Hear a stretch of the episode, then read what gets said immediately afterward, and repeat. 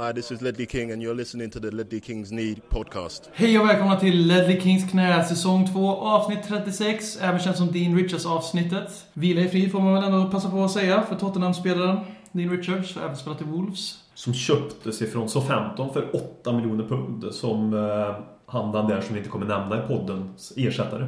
Och Ja. dog när han var 36 också, eller hur var det? Yes. eh, I cancer. Nummersymbolik. Ja. Vackert på, i, i, mörkret. Så det, det här avsnittet är ju för honom då. Och som ni hör så har jag med både Håkman och Frykebrant. Och som Hallå. ni kanske också hör så sitter vi på en ny lokal och spelar in idag eftersom det är första maj. Arbetarnas dag. Och så ni får ha lite överseende om ljudet är lite annorlunda än vad ni är vana vid. Ja, vi sitter ju hemma hos dig, så det är inte Studio 1882 längre, utan det kanske är Studio 1992. Det är då någon gång du är född. Din lilla jävel.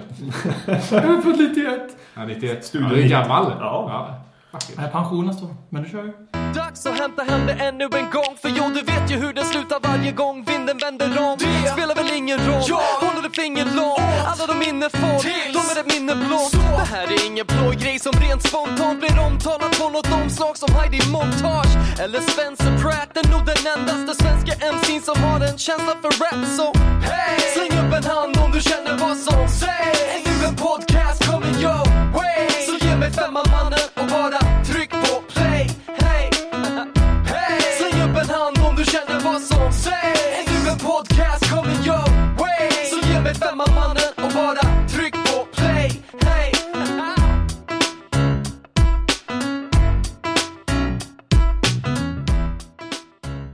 Jag kan bara prata för mig själv personligen så att säga, men jag har precis vaknat efter den, det sömnpiller jag utsattes för när vi slog Stoke på bortaplan 01. Och ingen skugga ska ju falla över den där åskådaren som stod uppe bland träden på den där gräsplätten mellan Chelsea-läktarna där.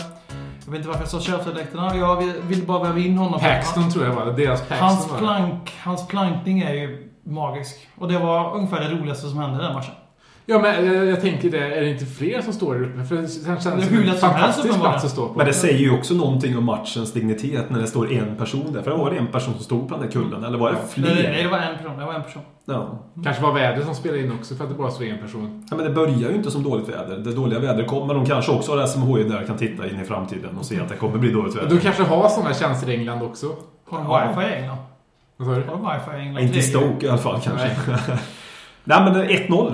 Det, det som jag tänker på att, uh, utav betydelse det är att vi är ett steg närmare er- Europa League även nästa år. Ja, Och dit vill ju- det, det- dit vill jag- vi ju. Det säger jag med fullaste allvar att det var viktigt. Ja, det var- det Rosemål var viktigt för den, den saken. Ja, absolut ingen ironi från min sida heller utan... eh, Och inte från Luris sida heller. Det är bara Tim Sherwood som inte vill kvalificera sig för Champions League. Ja, Premier, Premier League. Nu går det inte bra här. Jag, jag har fått en stroke. Ta vidare. Ja, du är väl lite bakis också. och född 91. Nej, men det, det är klart att vi... Det var viktigt det året i kampen för om Europaspel 2014-15. Och sen så var det också våran givne galjonsfigur som avgjorde matchen. Leif Pagrotsky. Ja, och ni är vänsterback. Ja. Enligt vår Twitter i alla fall. Var det Enligt han själv också nästan. Så Livi, vi vill bara ha 25% finders fee. Men annars resten, resten får ni... Det får vi aldrig av Livi. 5%. Vi får betala 25% slutar med. Nej, men jag tycker folk eh, kanske pissade lite grann på... In, eh, kanske inte insatsen i sig, men resultatet. Men Stoke är ju ett är av de svårt. bättre. De var, de, väldigt svårt jag skrev nu på Svenska fans också inför matchen att de var faktiskt ligans formstarkaste hemmalag. De hade... Promota er själv lite mer nu. När de Ja, absolut. Och sen ser vi i min matchrapport också om på Svenska fans att, eh, att eh, vi hade vund, vänt våran bortatrend. Vi hade ju alltså skandalösa 0 poäng och 1-12 i målskillnad eller något liknande. 3-12 i målskillnad och en poäng. Det- På. Så det här med, vi har ju bytt roll lite då under de senaste veckorna. Vi har varit bra på hemmaplan men varit urusla borta. Men nu vann vi ju på bortaplan igen då. Så. Det är väl Stokes tredje hemmatorsk detta år bara. Ja, Ja, det är det så det, var, alltså, det, är ju ingen, det är ju absolut inte förringa någonting. men Absolut det var en skittråkig fotbollsmatch. Det var en av de sämsta jag sett. Men Ja, vi vann. Matchen är brutalt tråkig men vissa matcher kanske får vara brutalt tråkiga när vi vinner mot så pass bra hemmalag. Ja, ja. betyder- Men det- ibland, så måste man, ibland så måste man få ta en AVB-seger också. Alltså, oavsett vem som är Ja. tränare så måste man ibland få acceptera att det blir så här. Det går inte att spela champagnefotboll 38 matcher. Nej, då vinner man ingenting i alla fall kan jag säga. Och Mark Hughes som var så utsatt för inte alls så länge sedan känns nu som att han har gjort väldigt bra i Stoke. Det har han ju gjort faktiskt. Det nya fått- Barcelona. Ja, men han har verkligen fått dem att kanske inte bli det där spelande laget som de kanske hoppas att det kommer bli till slut. Men de har ju verkligen vänt upp och ner på det laget som vi såg Men i glöm inte bort att förra året så var Stoke den här poddens uttalade liksom, rival, nemesis. Vi pissade på dem rätt brutalt Älsk- Älsklag skulle jag säga. Kissa inte alls på dem. Jo, Det jo, var ju Pulis, herregud. Ja, vi, vi, vi byter ju sida snabbt här nu. Gillar, alltså, Men- exakt, det var ju Pulis gäng.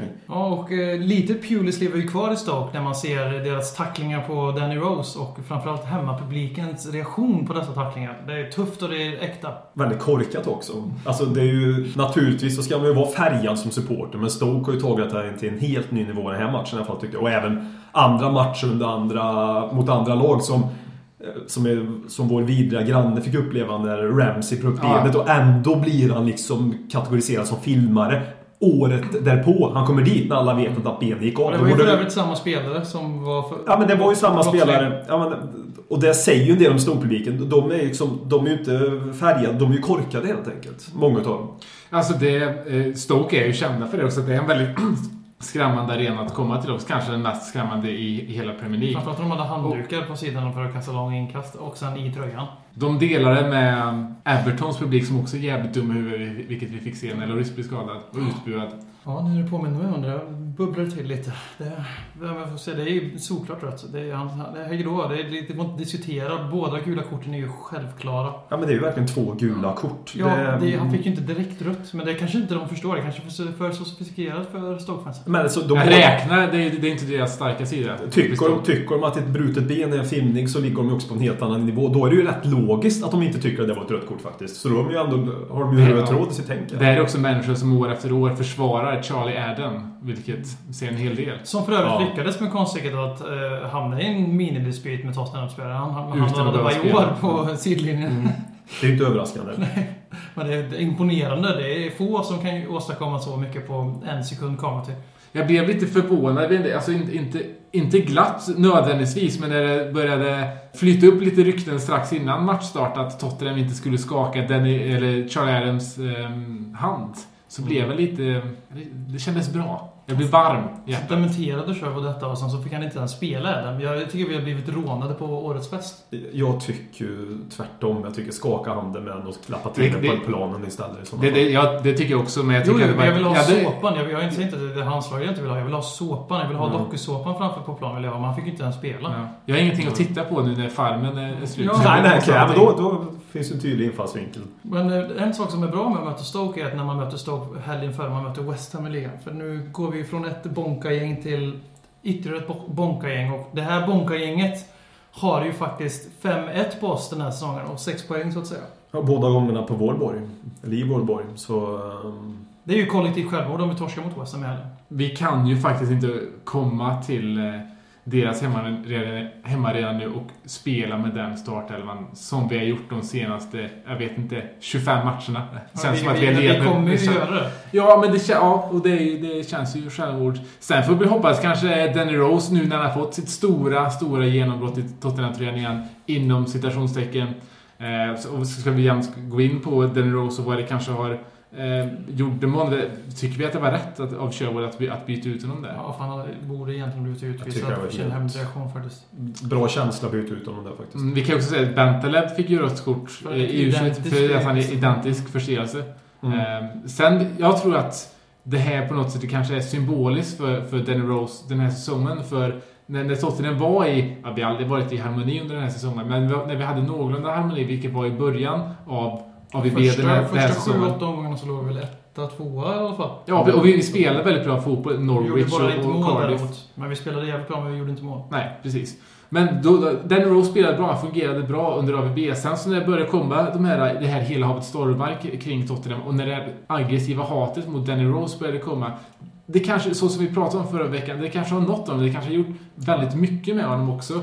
Och det fick vi ju se under matchen att han kan inte ta den här pressen riktigt så bra som, som en professionell fotbollsspelare ska göra. Och det är kanske också det som hämmar hans fotbollsspel. För att det han gör dåligt, som folk tycker att han gör att han är en dålig fotbollsspelare är ju inte tekniska egenskaper eller något sånt där. Det är att han är väldigt naiv i sitt spel. Och det är ju i sig ett resultat av att man känner väldigt stor press på sig själv. Och- Ytterbacksbeteende. Och att han inte är en ytterback i mina ögon heller.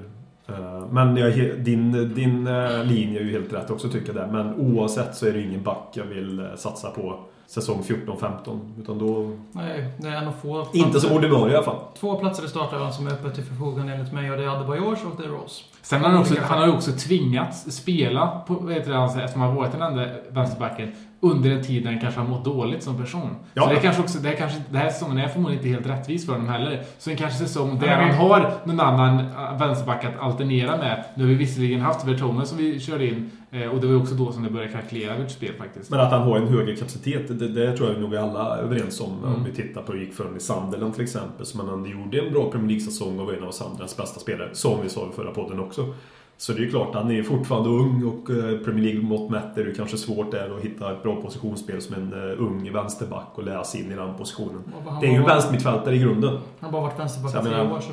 Det är klart att han har mer att hämta, men jag har faktiskt, eh, om jag får döma här och nu, som jag gärna vill göra också, svårt att se att han kommer vara någonting för Tottenham i den framtiden vi vill gå, så att säga.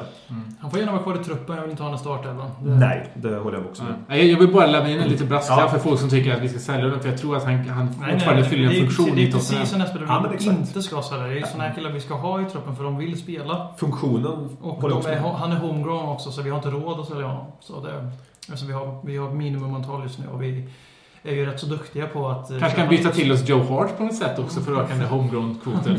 Och ytterligare en sympatisk människa också känns det som. Jag vill faktiskt Otroligt se- svårt för jag hårt måste jag säga. Jag vill, jag vill se honom i Tottenham. Andy Carroll är ju annars en människa vi kan... eh, På tal om osympatiska också. Ja, och, och eh, West Ham. Men alltså Och jag är, inte, långbollar och bonka. jag är inte så orolig faktiskt för Andy Carroll som man kanske bör vara med i Tottenhams försvar och bolla in i boxen. Och nu, alltså det kändes, det måste jag säga, inte för att vi ska backa bandet tredje gången till den matchen Stoke, men bara för att ta in Stoke-matchen i West Ham-matchen och mittbackarna som spelade i Stoke, mot Stoke gjorde det jävligt bra tycker jag. Mm. Både då som Kabul gjorde en fin, fin match. Om det var en tillfällighet eller inte, det får vi reda på. Men jag, jag så att den typen av fotboll som vi möts av med de två mittbackarna tror jag gynnar nästan vårt mittbackval nu. Att det är mycket bollar in i boxen. De är starka, bra i luften fortfarande. Gör vi en AVB då och spelar Vertongen som vänsterback så vi får ytterligare en, en presence i boxen. Ja, Han är ju tillbaka nu, spelade med u senast. Såg väldigt glad ut för övrigt också. Alltså- Alltså, gladare än man någonsin sett honom spela Han fick ju i spela en, en Tottenham-tröja där inte Tim Sherwood såg på sidningen. Och är han så känslig och blir glad för hållet så kan man också tycka. För övrigt, var, för övrigt var det här också en match som Capo dominerade fullständigt på mitten. Är vi förvånade? nej. Han spelar U21. Kom igen. Ja, ja, men ändå. ändå Nu ser jag till ett helt annat... eh, Nej, men han var totalt dominant. Han och Bente ledde. De, de lekte på mitten där. Sen De fick ju- 30 minuter Bentaleb var kvar på plan.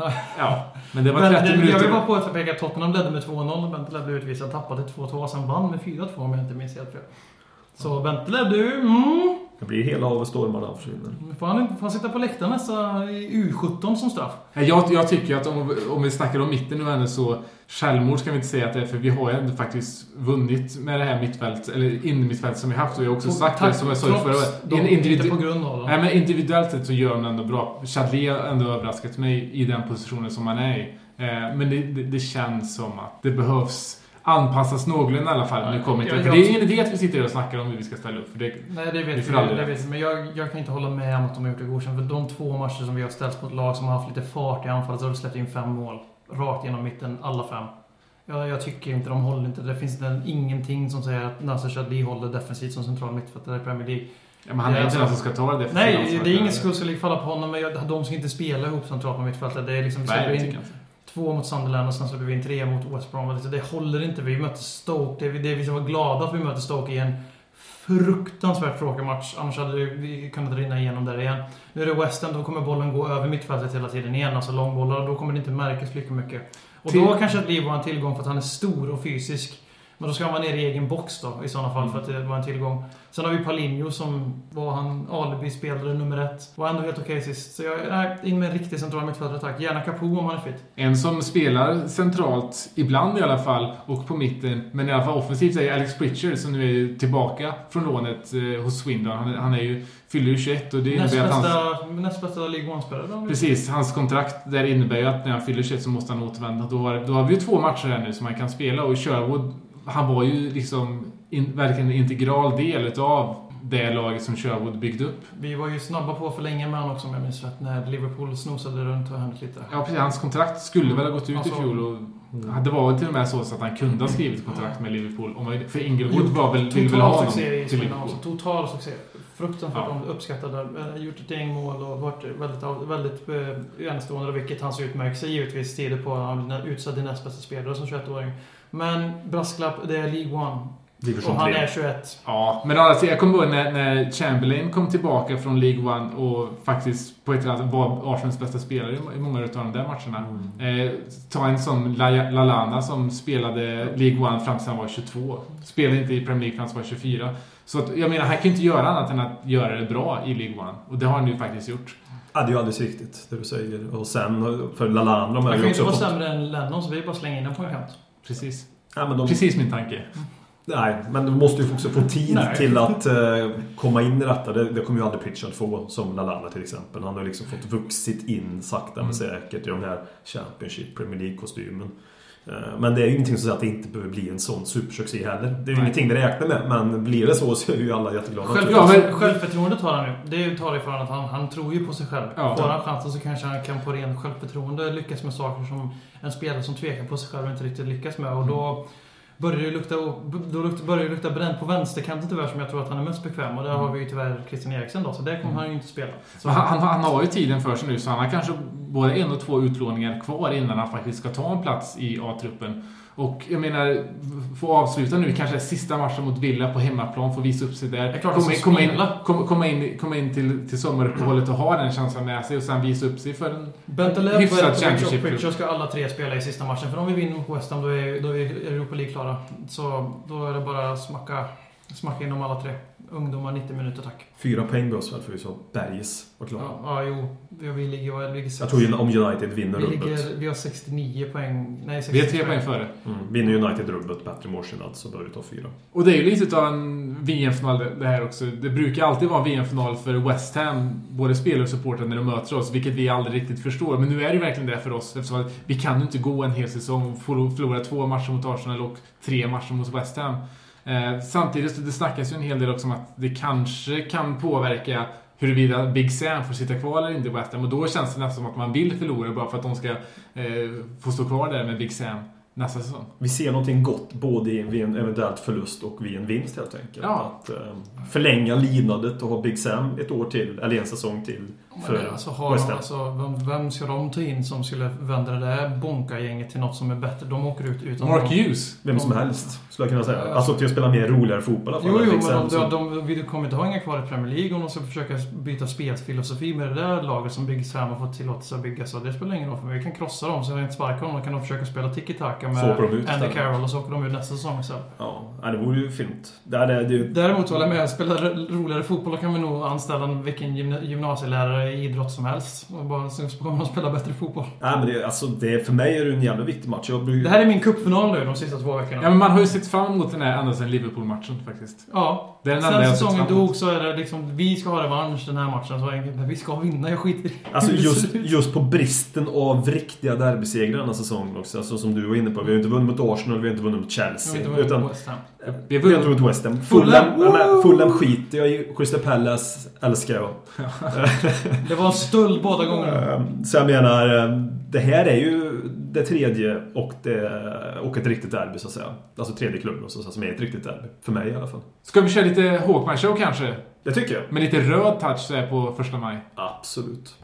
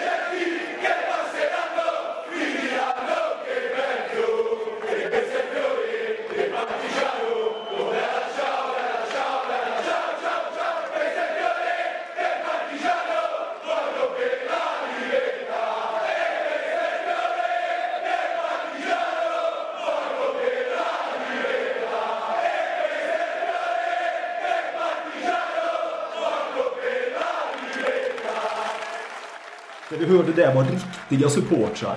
Med riktiga politiska värderingar. Och dagen till ära såklart pratar jag om Livorno, det är ju första maj. När vi spelar in den här podcasten. Livorno är en stad som ligger i Toscana i Italien med ett invånaravtal av 160 000. Jag tänkte jag skulle nämna två stora, stora spelare i Livornos historia för att ni ska få lite kunskaps... Eh, för att ni ska få lite kunskap om klubben och deras ikoner. Lucarelli och Protti är de två jag tänker på. Igor Protti var en kedjerökande målkung som spelade mellan 99 till 05. Eh, och han hann med att göra 111 mål på 196 matcher. Det är ett fantastiskt facit. Eh, som till och med Harry Kane skulle vara nöjd över tror jag faktiskt. Den andra är eh, den stora ikonen i staden. Det är kamrat Lucarelli. Som även är född i Livorno och har stått i kurvan där som ungdom och fick spela för klubben mellan, mellan åren 03 till 07. Han har med att göra 92 mål på 146 matcher. Fruktansvärt stor hjälte. Han gjorde en u landskamp på Armando Picchi som är Livornos eh, hemmaarena.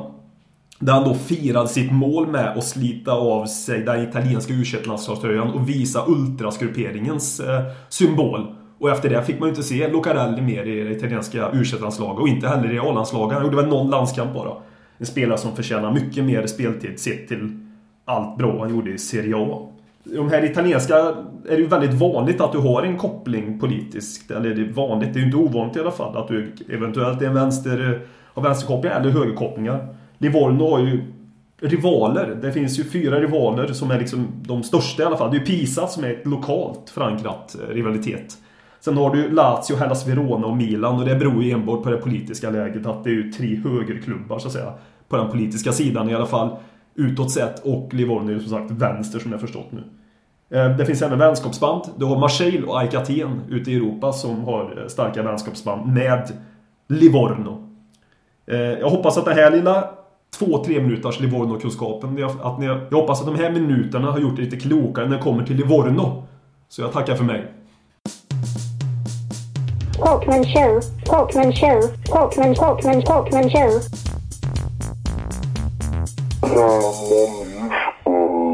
Ett osedvanligt vackert avsnitt av Håkman Show där, men det avslutades ändå med en del pikar och det leder mig till tanken när vi bordet runt här att hatklubbar i Europa.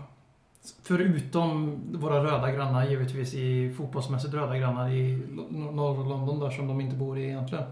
Och alla våra grannar, Ja, kanske där borta. Eh, ja okej då. In, inga Premier League-lag, inga alls. Förutom Crystal Palace. De älskar man ju. Ja. Mm. Alltså, när man ska hitta upp liksom lag man eh, verkligen stör sig på, då brukar jag oftast faktiskt gå på politisk, eh, mina politiska åsikter. Och det är Lazio som jag har svårt för. Även när det var den här bommen att Sven-Göran Eriksson var i Lazio, speciellt som värmlänning som han är också, att alla här runt omkring Karlstad i alla fall älskade Lazio under en period i millennieskiftet när han var där. Eh, redan där och då så hade jag ju väldigt svårt för Jag tror klubben. jag inte värmar Redan där och då hade jag väldigt svårt för klubben och inte ställde mig bakom någon Sven-Göran Eriksson-flagga där till exempel. Så Lazio är en klubb som jag ja, föraktar helt enkelt. Jag har ju en Salas-tröja från den tiden faktiskt. Ja, du ser, du var bakom den. Eh, Ja, du ser. Men det, Ja, men jag det blir ju tydligt. Ja, men exakt. Det var ju som jag sa. Det var ju många där som...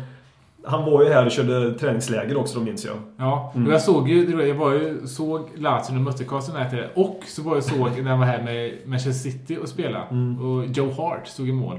Tog en straff av, från Erik Jernberg. Joe Hart försökte eh, psyka honom.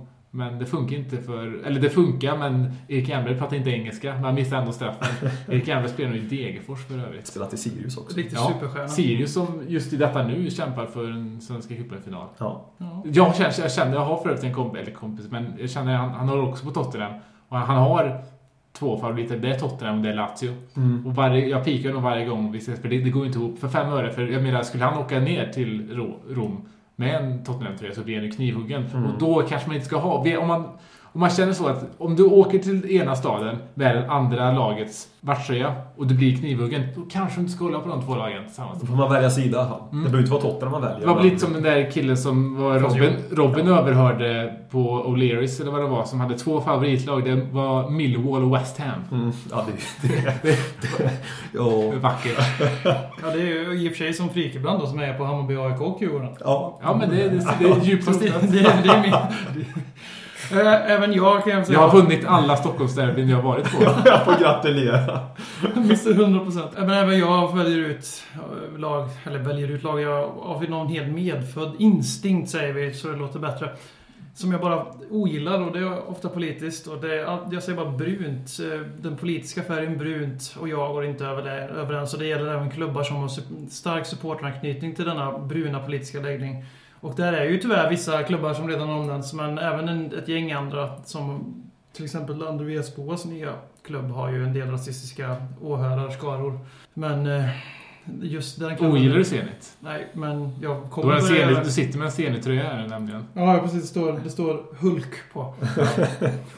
Nej, sen, sen har jag också så här, infött eh, undervärldskom- mindervärldskomplex när det gäller de absolut största giganterna inom europeisk och toppfotboll som jag alltid ogillar och alltid hejar på underdagen jämt. Som igår för oss, alltså Chelsea. Det var ju Chelsea, det var jävligt dumt till exempel. Ja, Jag kommer heja på Atletico Madrid i finalen mot Real Madrid för jag tycker inte om när de absolut hipster. största... Du är Nej, hipster, spelar, det spelar ingen roll om alla... Man är ju inte hipster om alla hejar på laget, eller hur? Det är ju tvärtom. Så det är, man är hipster om man hejar på Real Madrid i den här finalen. ja, jo. Boom! För för mig är det väl samma sak. Mitt hatlag är Feyenoord. Och det har ju sina förklaringar. Och det är ju bara på grund av att, att, att jag älskar Tottenham som också hatar Feyenoord. Och det här har också varit ett inslag i Hawkman Show. Jag vet inte vilket avsnitt det var så jag kan referera lyssnarna till att gå tillbaka. Men ni ska i alla fall veta att om ni håller på Tottenham så måste ni hata Feyenoord. Det är någonting ni ska veta. För jag fokuserar mer kanske på andra lag som jag gillar och då vänder jag in i, i Gilla andra lag.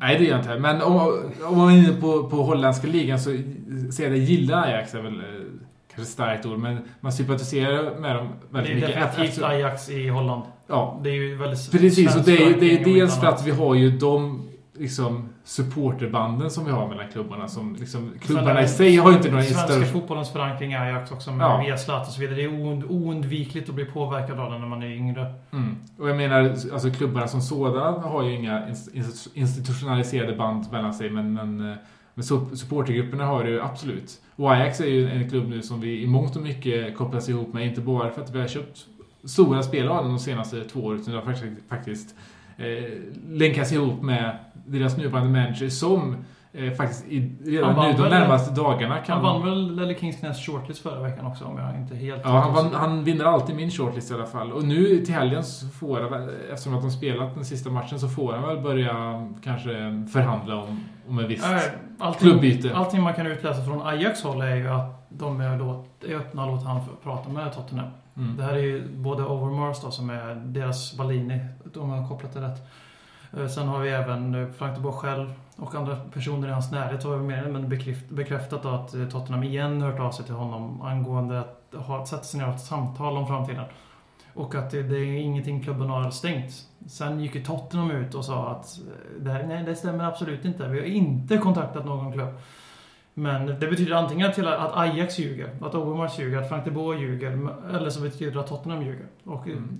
vi har väl lärt oss den här säsongen med mediemörkläggning att det är Tottenham som ljuger. Ja, och Sherwood sa ju till och med också det själv att eh, någonstans i den här kedjan så är det någon som ljuger. Mm. Var det han som sa han pulling porkies eller något sånt där Ja, konstigt? somewhere along the line someone is pulling porkies. Ja. Ja. Eh, ja, Sherwood som ju såklart sa att han blev väldigt ledsen av att höra de här grejerna. Sherwood själv som bara för någon månad sedan sa att han väldigt gärna ville ha Baldinis jobb. Och som ett år, för ett år sedan avverkade och undergrävt AVBs roll också. Ja, Fyllebulten.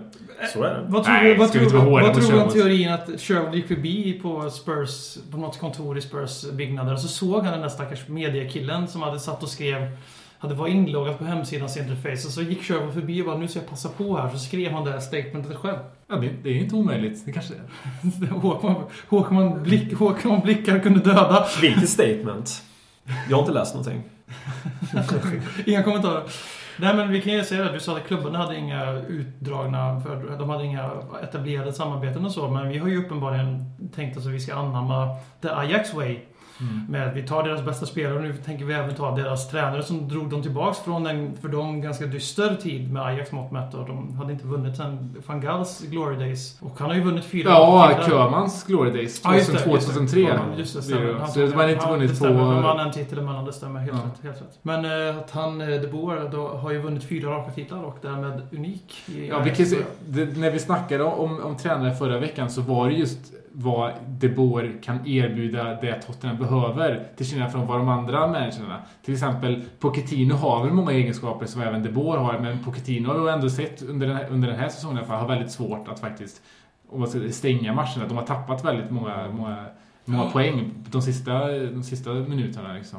Men det är ju någonting vi i Tottenham tycker om att göra, så det är kanske ett plus i Pochettinos bok. Så kan det vara. Sen är det också så att De Boer, när han kom in i Ajax, så var det ett läge som visst, det var, det var inte riktigt så som det ser ut i läget i Tottenham idag. Men det var en väldigt kaosartat eh, Ja, stadie absolut. i, i klubbens historia faktiskt. Han kom, kom väl in och vann direkt va? Första. Ja, kom han- väl i halvtid på Han hoppade säsongen in så i så här. mitten av säsongen och Ja, tog halvtid, ja. De hade som du säger, de hade inte, de hade inte vunnit på väldigt länge. De var i en rättstvist med van Gaal faktiskt. Och Som, som också är, är De Boers eh, förebild i mångt och mycket när det gäller fotbollen. Vilket kan också vara lite kontroversiellt för van Gaal blev ju väldigt kritiserad. Också det som kanske ledde till att Cruyff ville dra honom lite grann inför detta var att han hade ju demoliserat lite den här Michaels modell som väl är ändå den här slags Ajax-modellen som, som man brukar prata om och som kanske är lite det som, som in- insinueras när vi snackar om att vi försöker röra oss i en mer Ajax-riktning. Vilket är att du arbetar väldigt individuellt med spelarna. Och precis som jag sa förra veckan, arbetar Samma- mycket med huvudet. Samma spel, man säga, samma formation genom alla lag. Från 12-åringar till A-lag så spelar alla samma taktik, alla samma formation. Precis, och det här var ju någonting så, som van Gaal bröt ner och som inte alls var populärt från framförallt Cruyff. Och De Boer tog också Cruyffs läge där. Och har liksom fått... De Boer har ju... Många pissar väldigt eh, fort och eh, snabbt, eller fort och gärna på, på holländska ligan. Men holländska ligan är ju inte vad den har varit. Det är ju inte bara tre lag nu som kan vinna holländska ligan. Utan det är ju fem, fem, sex. sex lag. Och, och göra det också med den truppen som Ajax har. För det är inte...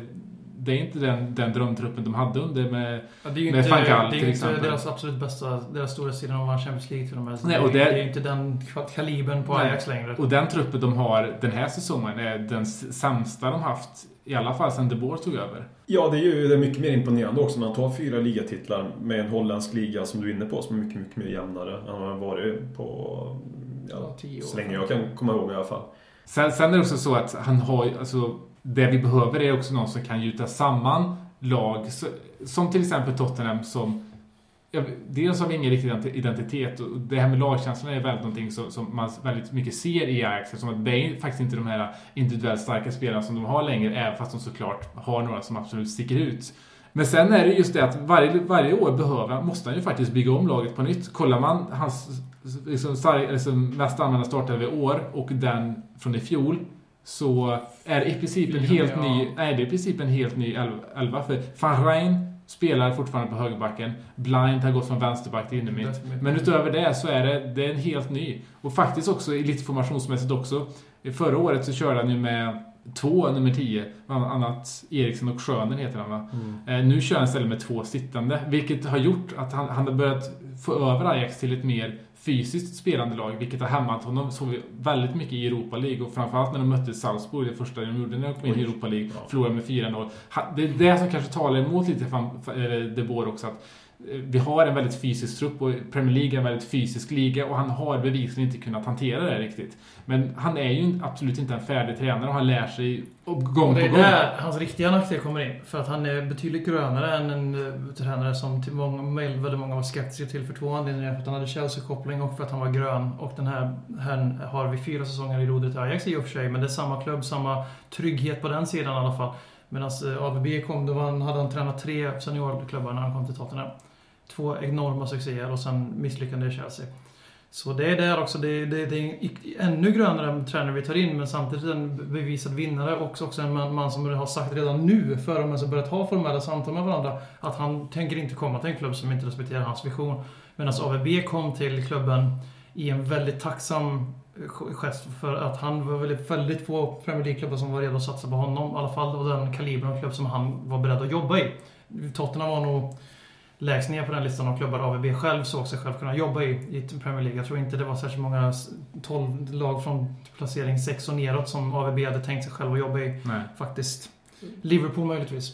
Och eh, då kom han in i ett underläge mot Daniel Levy som hade precis sparkat vår mest framgångsrika tränare i modern tid. Och jag tänker säga att han fortfarande är det även om AVB har bättre vinstprocent eftersom det är mindre matcher för AVB. Det är den bästa vinstprocenten. Ja, men ja. Är den bästa tränaren vi haft, tror jag. När, när, när De Boer vinner sin första match som Spurs manager så är han inte det längre. Sherwood, så det är lugnt. Ja, Ryan Giggs är också för övrigt Premier Leagues bästa tränare nu, inte Tim Sherwood längre. Ja, förlorar nästan så är det bara 50%. Ja, då- då är det, det, är hårt, det är hårt på toppen. Nej, men det skulle komma till att Dubois De Boer kan komma in och ställa krav på Livy. Det kunde inte AVB. Förhoppningsvis så kan det brygga upp lite av det här, hans gröngölighet, att han kan få klausuler som skyddar honom från det öde som AVB gick och sådana grejer. Att han kan, han kan, han kan liksom, han är inte, beredd, han är inte rädd för att stanna kvar i Amsterdam. Kommer Livy säga så här, ja, bla bla bla bla bla, tomma luften projekt, bla bla bla, tid, bli, bli, bli, och, och eh, det bor inte tro på detta så är inte han i en position där det här kanske är det bästa jobbet han kan få. Utan då säger han, då stannar jag i Ajax så kan du lycka till med din eh, kära Fyllebults eh, på Fyllebänken. Som vi bara kallar för det för vi tycker att hans uttalanden är roliga. Inte för att på något sätt håna honom, eller hur Marcus? Och inte på något sätt håna alkoholister genom att kalla precis. Nej men alltså det här med gröngölingen med De Boer är också... Så är det ju. Att han, Han han, han, har ju... Jag vill, det vill jag komma till här. Att han har ju en fantastisk karriär bakom sig. Som eh, tror jag ligger honom i fördel så att säga. Gentemot spelarna. Jag tror att det kan ha varit en grej med AVB. Och den typen av tränare också kan ligga dem i fat att jag säger inte att det är rätt nu och det tycker jag inte är rätt. Men att spelarna ser att han har inte gjort grejerna som vi har gjort för Det att säger komma väldigt ikapp. mycket om fotbollsspelares intelligens att säga det på det sättet. Ja, men, tycker men jag, tror, det jag, jag tror att det kan vara så. Jag säger inte att det är så, men jag bara tror att det, Nej, jag- kan jag vara så. har. Och Jag tror det då tror jag att Frank de Boer är en... eh, Ja, med den CVn han har. 114 A-landskamper för Holland, mest genom tiderna.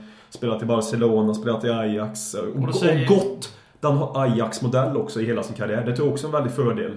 Att han är, verk, det är verkligen... Det är en lärd fotbollsspelare. För i Ajax så blir du verkligen lärd som fotbollsspelare på riktigt. Det är ingenting som tas av slumpen. också. Nu jag pekar på mitt huvud. Ben pekar mot sitt huvud. Ja, och så är det ju. Du- Du har en riktigt fin fotbollsutbildning som spelare som jag tror också kan ha fördel av som tränare i långa loppet. Mm. Så ja. Sen Men också... har han gjort det en regnig, regnig torsdagskväll mot Stoke? Exakt. Nej. Exakt. Nej, men Nej, grejen är den också att de, de som finns på den här shortlisten, inte bara våra shortlist utan även Livis shortlist, är ju... Nej, nej, om, nej. om vi nu... Om vi då, Vår shortlist. Vår Livi shortlist. har inte kontaktat någon klubb om någon tränare.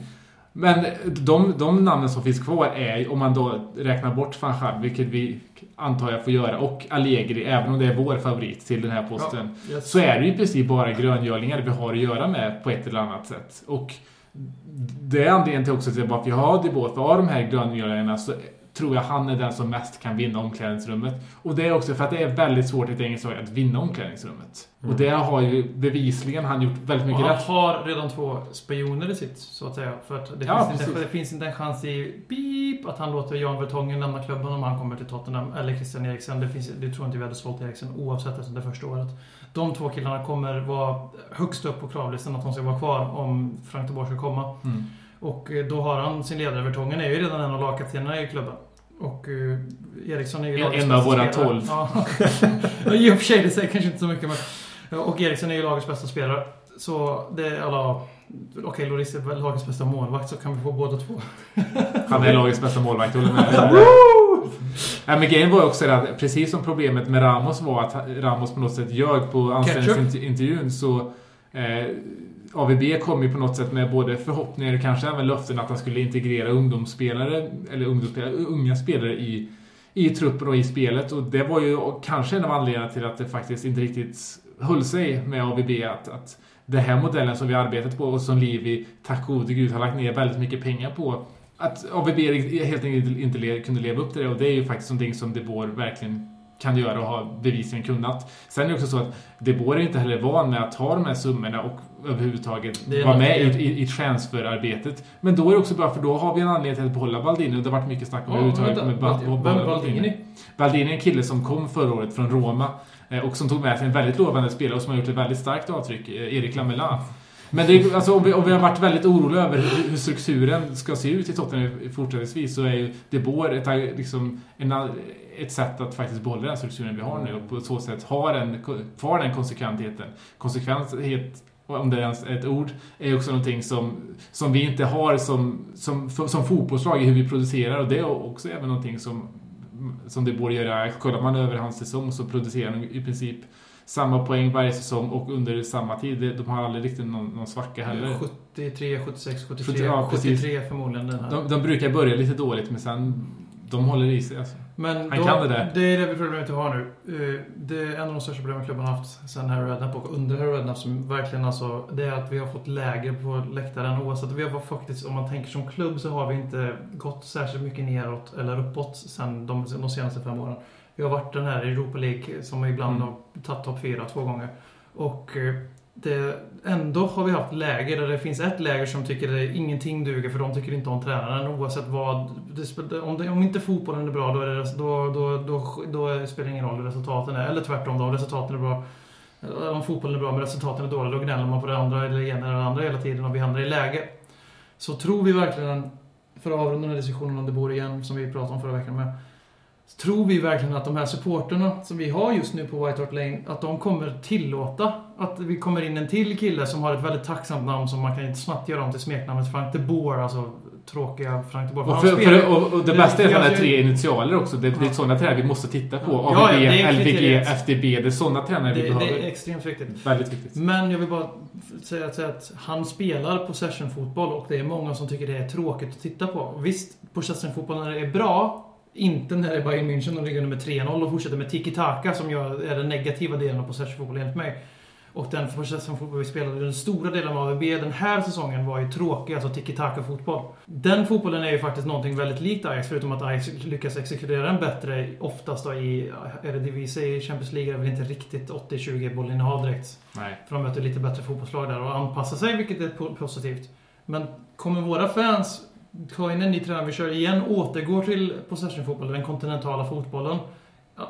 Med förhoppningsvis lite omformning efter våra spelares styrkor då, givetvis. Inte blir, vi måste spela bollinnehavsfotboll hela tiden. Men så säger vi det har gått, gått fem omgångar. Vi har, en, vi har två segrar, två kryss, en torsk och vi har 6-5 i målskillnad ungefär. Det kommer gnällas. Direkt från Nej, men alltså, det beror- men det är det vi, Ja men det, det är vad jag Visst tror. kommer det bli så. Ja men det är vad jag tror. Men jag tror framförallt vi, alltså, vi är ju Tottenham och vi har en tradition att spela på ett visst sätt. Alltså, man Men ska... det är ju inte possession-fotboll vi har tradition Nej. att göra. Det är det som Nej är- exakt och då, då finns det ju en risk om possession-fotbollen blir den tråkiga delen som det kan bli då. När man, så, alltså som jag tyckte med AVB att det blev lite sömnigt ibland. Eh, Men sen finns det även positiv pos- possession-fotboll. Att du kan ha en högre passningstempo i och att du kan variera ditt spel.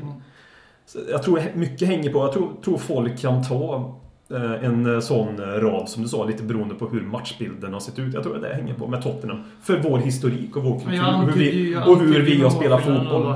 Nej, men alltså-. Du förstår vad jag Alltså, menar? det- det jag förstod att det var det jag associerade med Och, målskillnaden. och, Men- och, eftersom vi är Tottenham så spelar det ingen roll vilken tränare det var. Du kommer ändå börja skrikas AIK. Ja, det är så det är. Men då tror jag också det är viktigt att en tränare anställs inte bara för att den typen av fotboll, eller att tränare i sig är väldigt bra, utan det är ju faktiskt att flörta lite med, med, med fansen för att på så sätt få med sig dem. Och det är det som behövs Mm. framförallt just nu också. Då, då är det ett sexigt namn också. Mm. Eh, sen, sen är han ju faktiskt, har han det om jag på spel som befriande fotboll. För det är ju inte den tråkiga possession-fotbollen som han står för. Och han står också för... Det är ingen för- som står för den förutom Nej, nej, Pep Guardiola. Utan Och det, är det, blir så, ja, det blir så ibland med possession-fotboll när det går i baklås. Ja, jo men vi- visst är det så. Det är ingen som har som mål att spela tråkig fotboll. Förutom José Mourinho då i och för sig. Och Pep. Och Pep. Men, men, men också den typen av fotboll passar sig oerhört bra för också, också den typen av material som vi har. Också den typen av fotboll som vi spelar, de formationer vi spelar i de yngre leden. Vilket även det är Ajax-modellen som ska spela Ja. samma överallt. Eh, sen är det också så att jag i det här läget nästan prioriterar ju eh, vilka spelare jag vill se nästa år som vill ut, ska utvecklas än vad jag prioriterar att Sherwood ska vara kvar till exempel. Mm.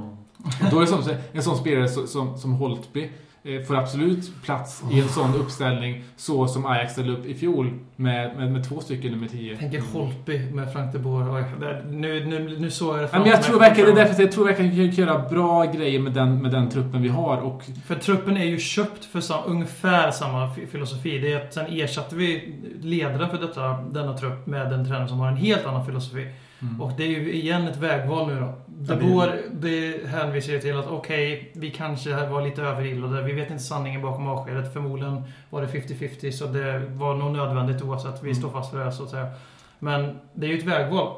Tar vi in Frank de Boer igen, då är ju det ett beröm till truppen. Liksom, vi tror på er. mm. Sherwood hade fel om er, inte tvärtom.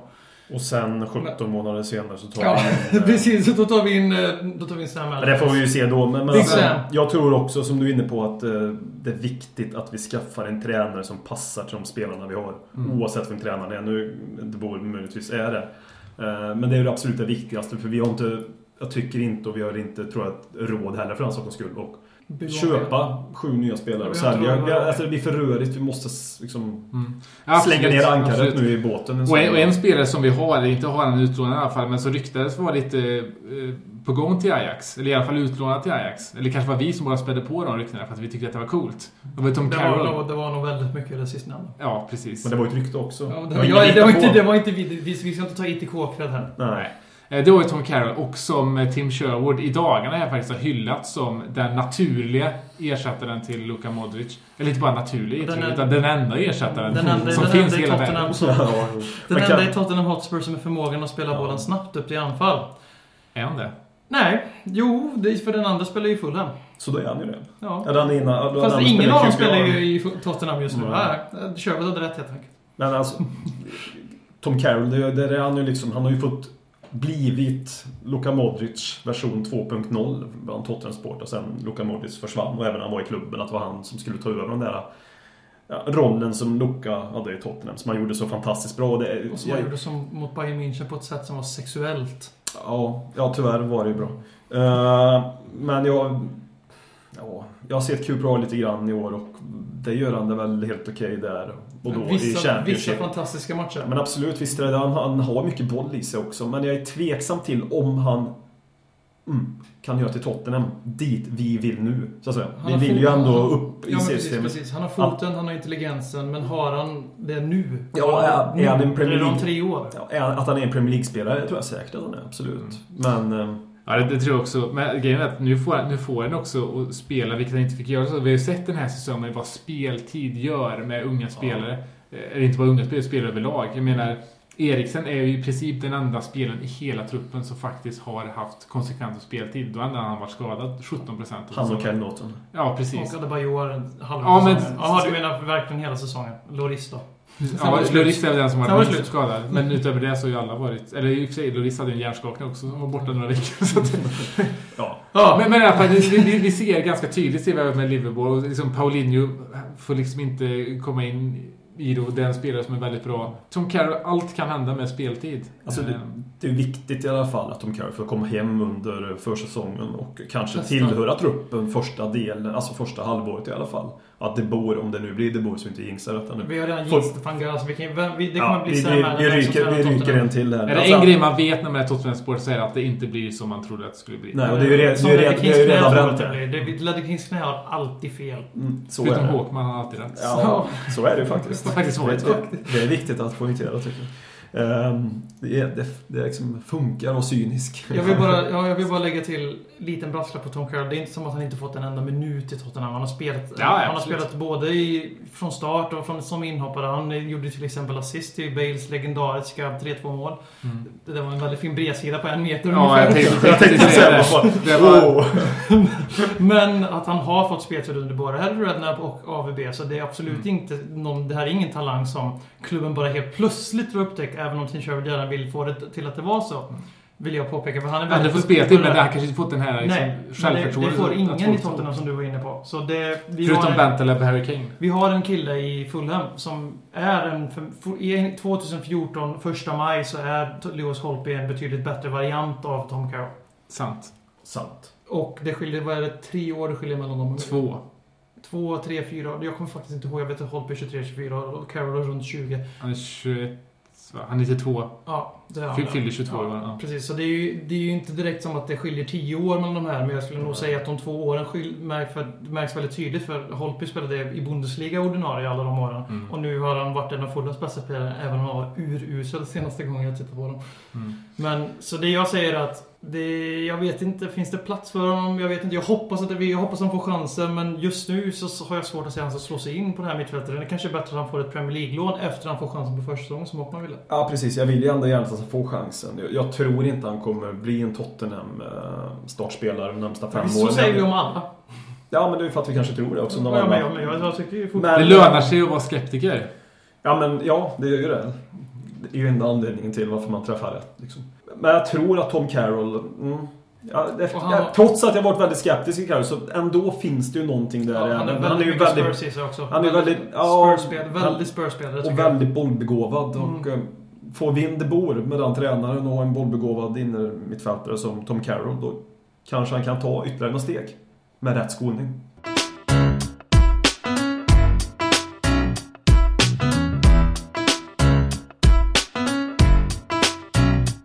Yes, vi är tillbaka med denna första maj-inspelning. En dag som är väldigt speciell för oss och det är också det som lite har präglat frågorna som har ställts till oss idag. Vi börjar med Terry, da, Terry Dahlberg. Det är i och för sig inte en fråga. Ehm, men jag skrev, när vi la upp den här så skrev vi vad vill att vi ska första maj-tala om? Och då skrev Terry Dahlberg att Spurs inte är socialister. Och visst är det ju så att Spurs, precis som i princip varenda jävla klubb, i alla fall i det engelska toppskiktet, har en aristokratisk bakgrund. Eller, eller i alla fall en grund.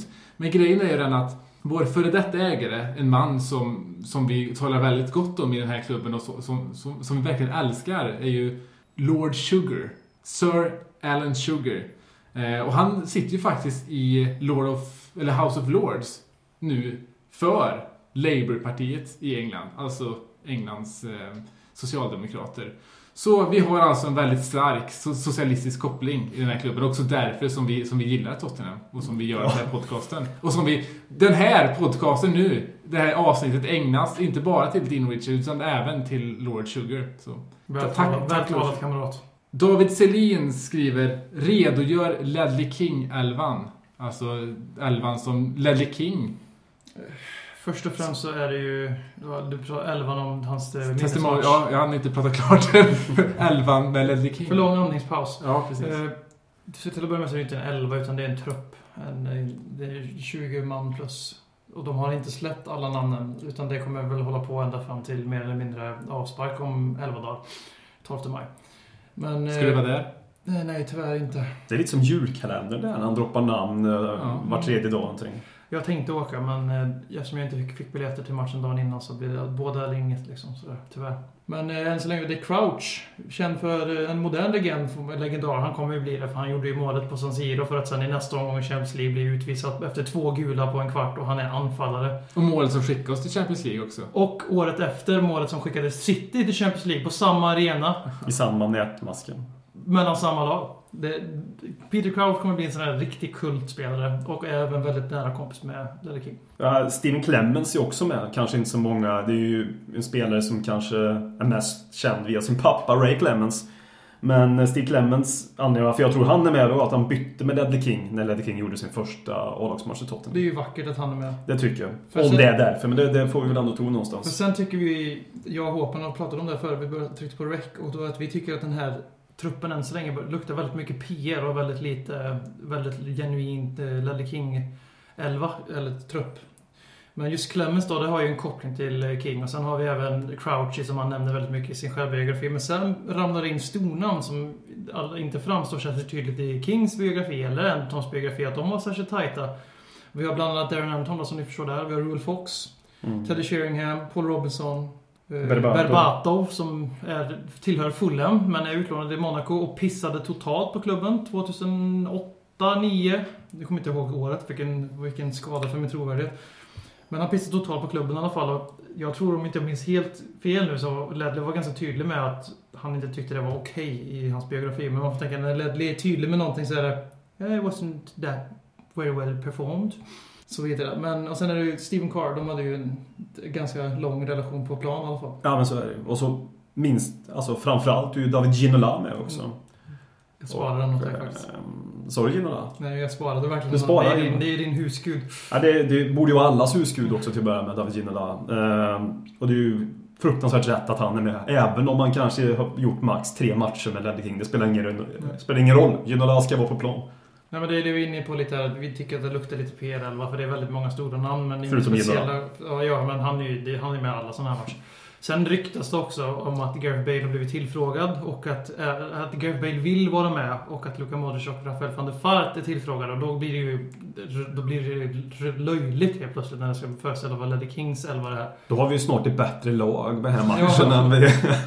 Alltså det- nu har vi ju liksom the glory teams Men det, det, ro, återsamlat. det roliga blir när det här laget vinner i den här matchen. Börjar det är klart vi kommer ja. göra, men Ledder King är bak och Bale, Bale Modric och van de Vaart offensivt. Det blir... Ja, och Ginola, Ginola på vänsterkanten där som kommer skära in och göra, göra drömmål som var Sheringham är klok. Är riktiga Harry Kane så att säga. Ja, det, det, det här kommer inte gå. Det- Fan, vi pratade ju om för ett tag sedan att eh, det här blir ju ett test för Ledder King. Se om han har tränaregenskaperna. Han kanske har det. Det verkar så.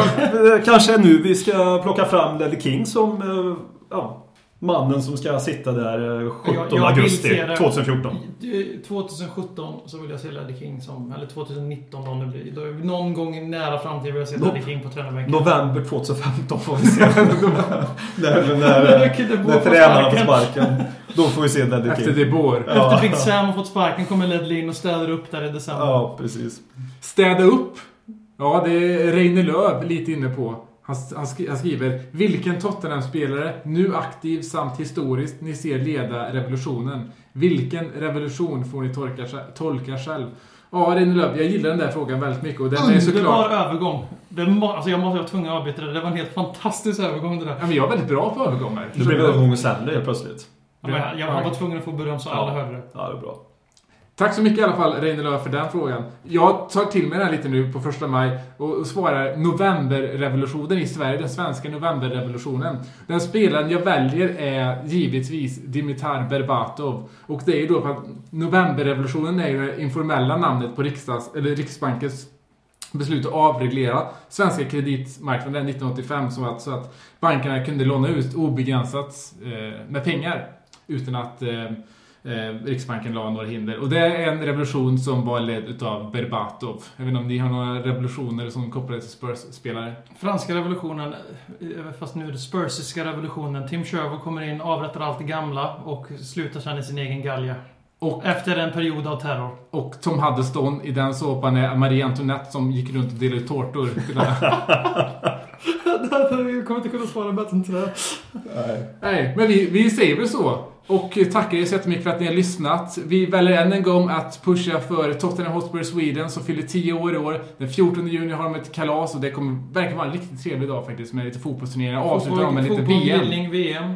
Kanon. Mycket bengaliska eldar. Ja, Vi ska dit. 300 Vi ska spänn medlem får vara med nu och även hela nästa säsong. Alla förmåner. Låter som en bra deal. Maila 10ar snabla och eh, eller fixa den här medlemsavgiften om ni inte har gjort det ännu. Vi kanske ses då, men hörs det gör vi i alla fall nästa vecka. Ha det fint. Hej! Peace. Dags att hämta hem det ännu en gång För jo, du vet ju hur det slutar varje gång vinden vänder om. Det spelar väl ingen roll, håller du finger långt Alla de minne får, de är ett minne blått Det här är ingen blå grej som rent spontant blir omtalat på något omslag som Heidi Montage. Eller Spencer Pratt, är nog den endaste svenska MC'n som har en känsla för rap Så hey, släng upp en hand om du känner vad som sägs Är nu en podcast coming your way. Så ge mig femman mannen